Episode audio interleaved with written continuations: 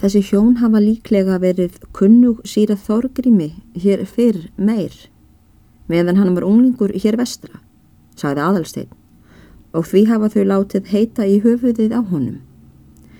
Það mun vera upprunin að því, svaraði steingrimur.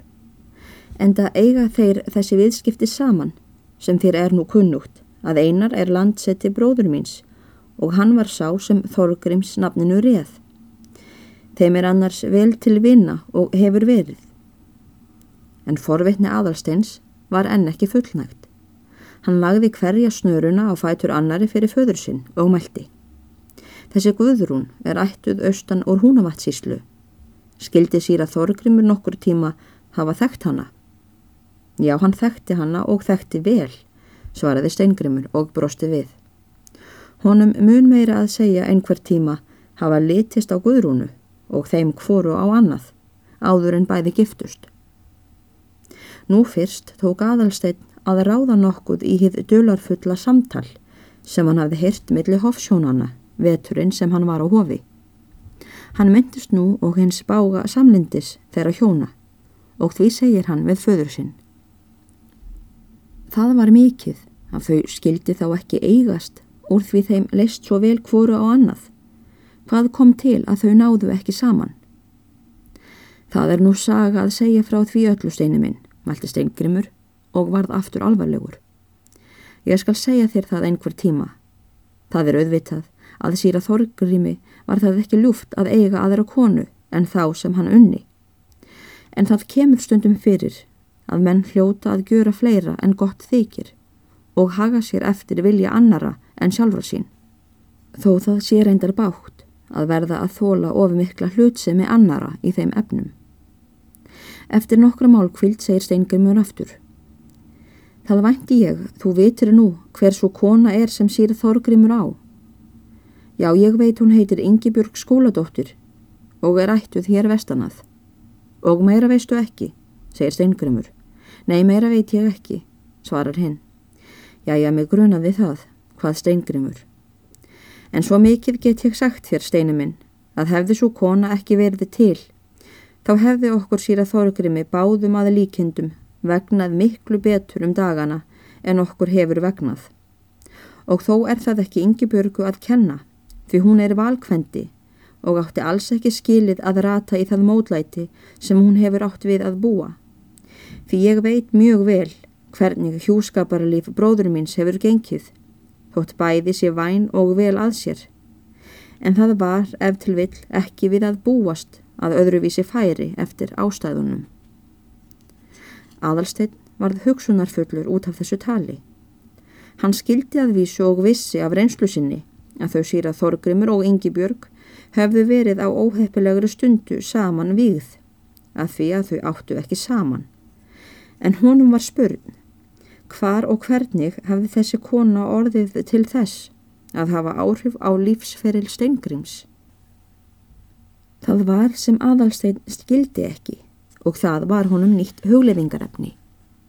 Og jafnframt vaknaði hann nú sem af draumi í öðru tilliti. Hver er þessi Yngibjörg skóladóttir, prestkona á hofi?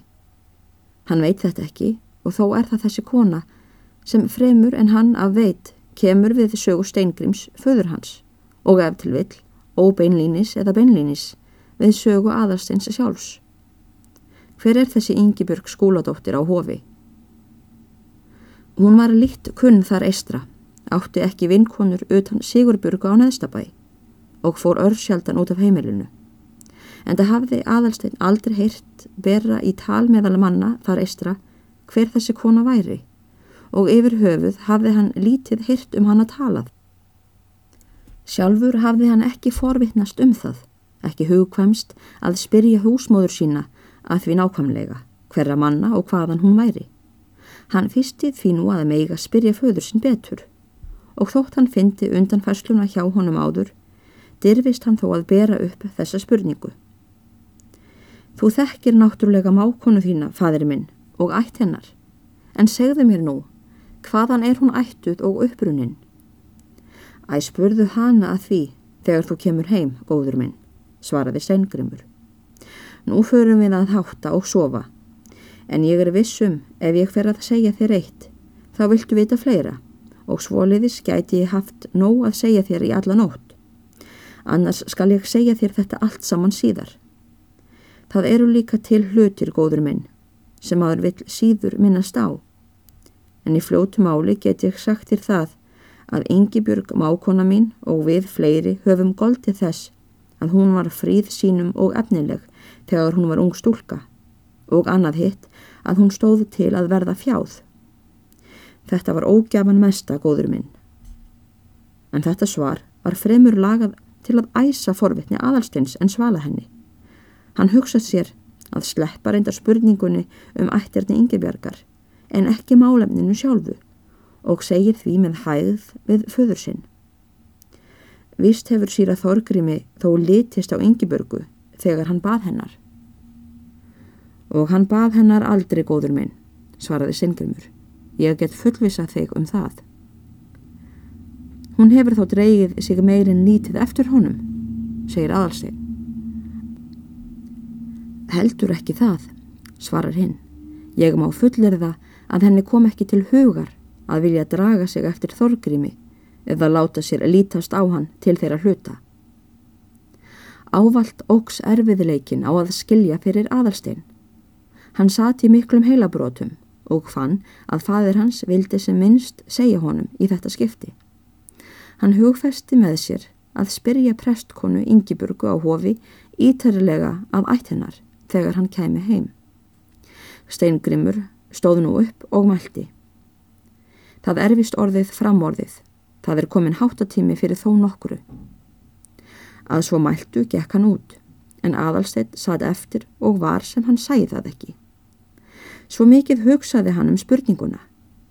Hverra manna er Ingeborg á hofi og hvernig varð hún á vegi þeirra fellsbræðra og hvernig gatt það staðist að hún yrði þeim að ógæfu mót vilja sínum. Þessa spurningar velti hann í hug sér en fekk ekki fundið þið rétta svar og lit rekast frá einni gátu til annarar. Steingrimur kom inn að utan og sagði kallt veður og uppgang aða norðan og spáði snjókomu. Þeirri feðgar byggust nú að ganga til rekju. En sem þeir eru í aðsvefum með þetta, þá er lokjaði púshörðinni og kemur Sigriður ráðskona í ljósmál. Hún er alvarleg í bragði og verðist hafa mikið að geima niðri fyrir. Þegar hún hefur lokið upp, nefnur hún staðar á þröskuldunum og segir Það er ekki gott í efni. Ég hlýt að byggja yfir að koma upp á loftsteingrimur. Nú, svarar hann og verður byllt. Er nokkuð að Sigriður? Já, ég gjöru ekki ráð fyrir öðru, segir hún, en að einhver þurfi að vaka í nótt yfir honum föðuriðar, ef hann lifir annars svo lengi. Hvað er að tarna? Ég kom inn til hans um miðjan dag í dag og þá lendi sér ekki að einhver breyting var komin á með hann. Ég bauð honum þá að fara ofan og segja yfir til en hann bannaði það. Síðan hef ég komið til hans við og við en ekki lítist á. Hann er döðvona maðurinn og nú er komið á hann óráð. Óðara en þetta var mælt fór steingrimur út úr húsinu og upp á loftið með Sigriði. Adalstein fylgdi á eftir þeim.